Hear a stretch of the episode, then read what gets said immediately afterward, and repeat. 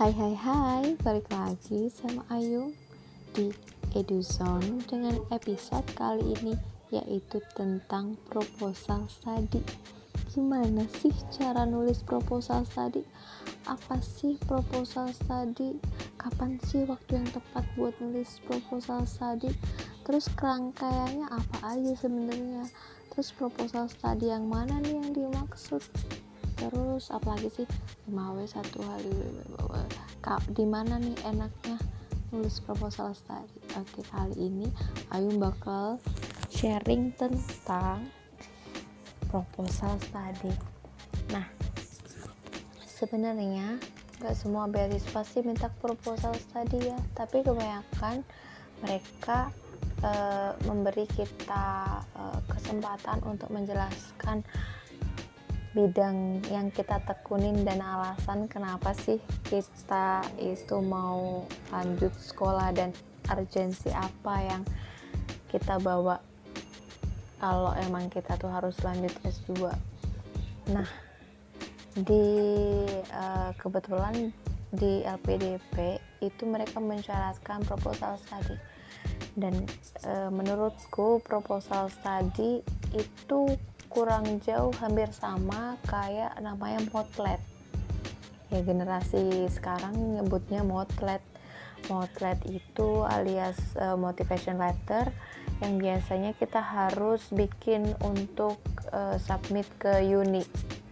Jadi kalau mau dapat LOE Uncandi biasanya mereka minta motlet juga. Nah proposal study ini bisa jadi jembatan buat kita nulis motlet. Motivation letter. Tapi kali ini kita bahasnya proposal study proposal study dulu. Motlet kita bahas di episode selanjutnya. Nah dalam uh, kepenulisan sendiri proposal study ini masuk uh, kerangka isi akademik ya. Jadi mungkin bahasa-bahasa yang kita gunakan itu adalah bahasa tulis bukan bahasa lisan.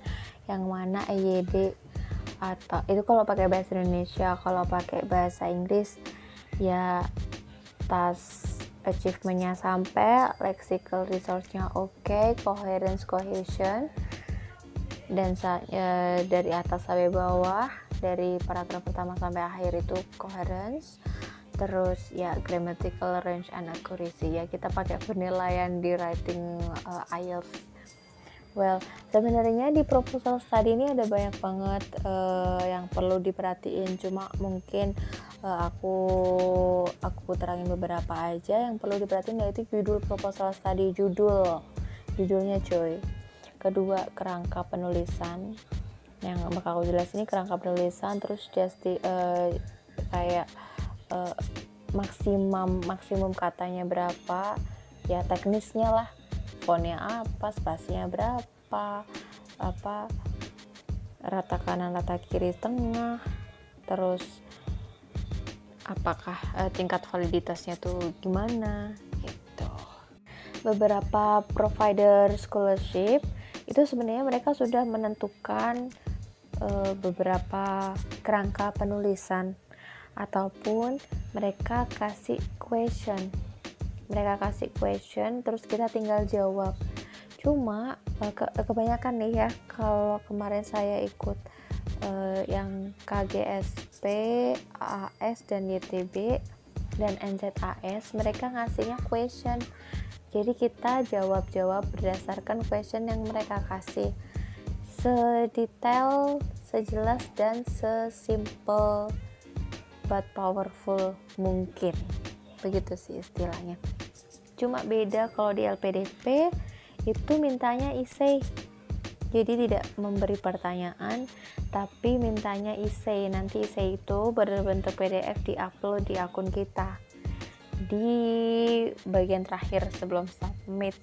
Nah kalau untuk isi sendiri sebenarnya LPDP ini sudah memberi kerangka penulisan jadi uh, ada ada kerangka penulisan proposal study dan kerangka penulisan rencana studi untuk rencana studi kita bahas di uh, episode lain.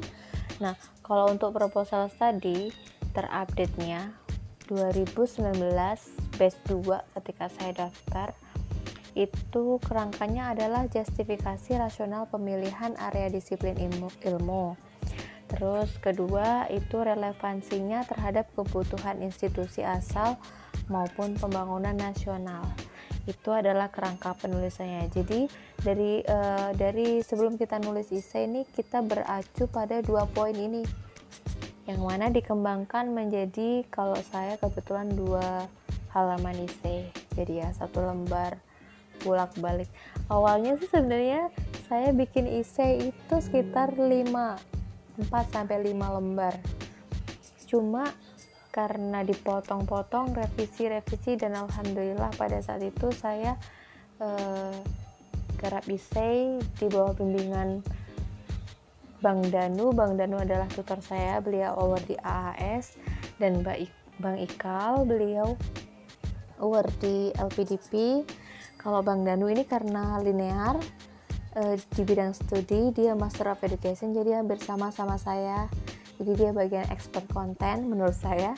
Dan Bang Ikal, Bang Ikal ini uh, karena dia beliau award di LPDP University of Arizona di water pokoknya di jurusan perairan lah tapi setidaknya beliau berpengalaman menulis isei menurut konten LPDP dan kisi-kisi LPDP jadi beliau bagian uh, apa sih namanya ya uh, penilaiannya lah Bang Ikal. Tapi kalau konten uh, lebih ke Bang Danu.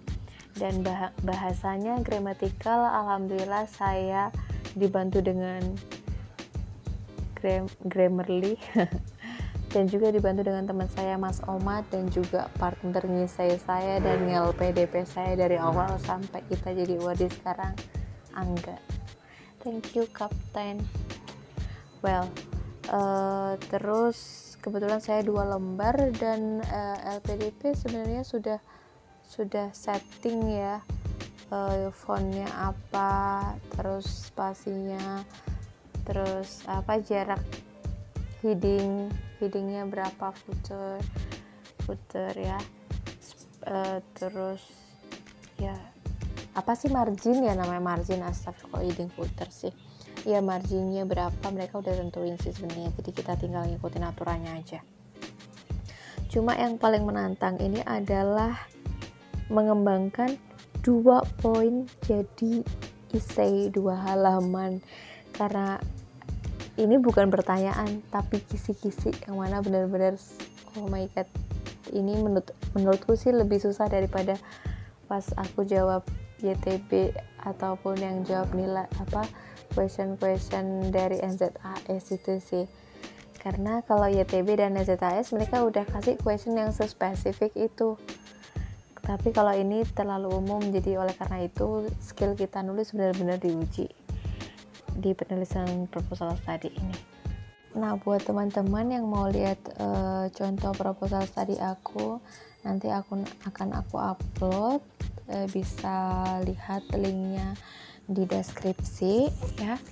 Nanti aku akan aku akan share linknya di uh, apa berupa PDF di Google Drive gitu.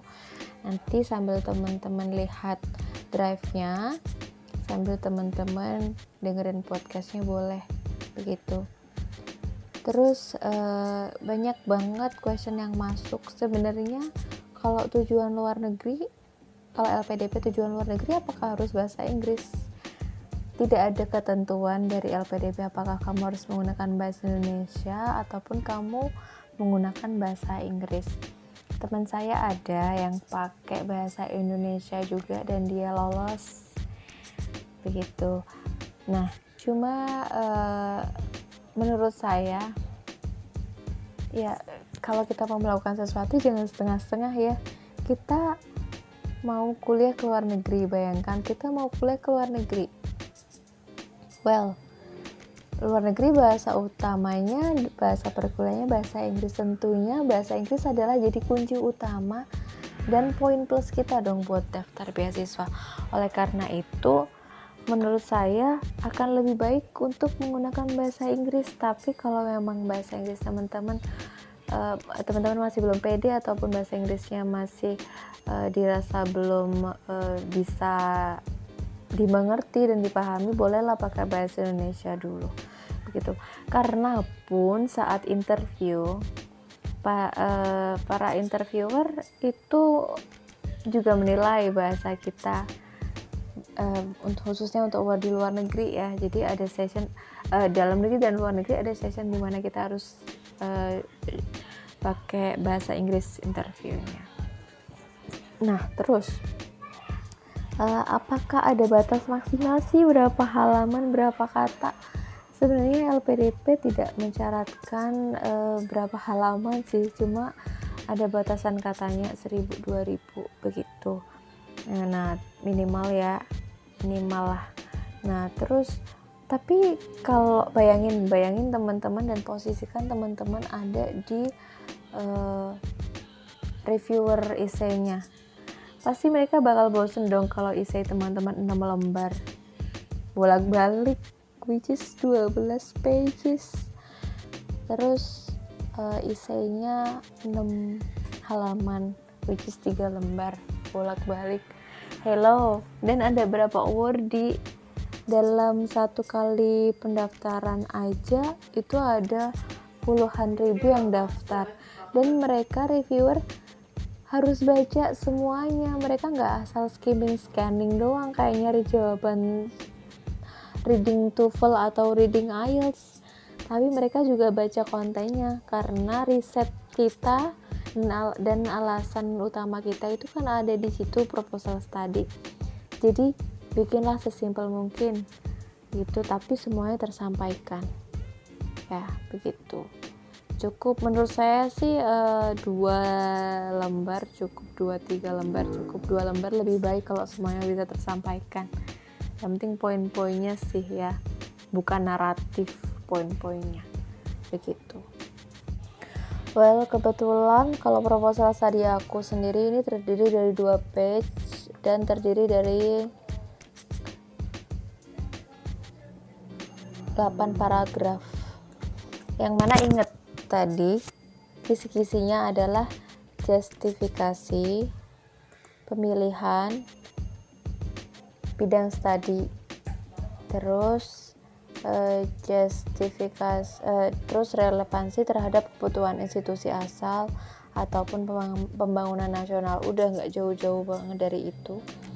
Nah uh, kalau di Iseiko ini kebetulan paragraf pertama oke okay, aku introduction dan nyeritain experienceku.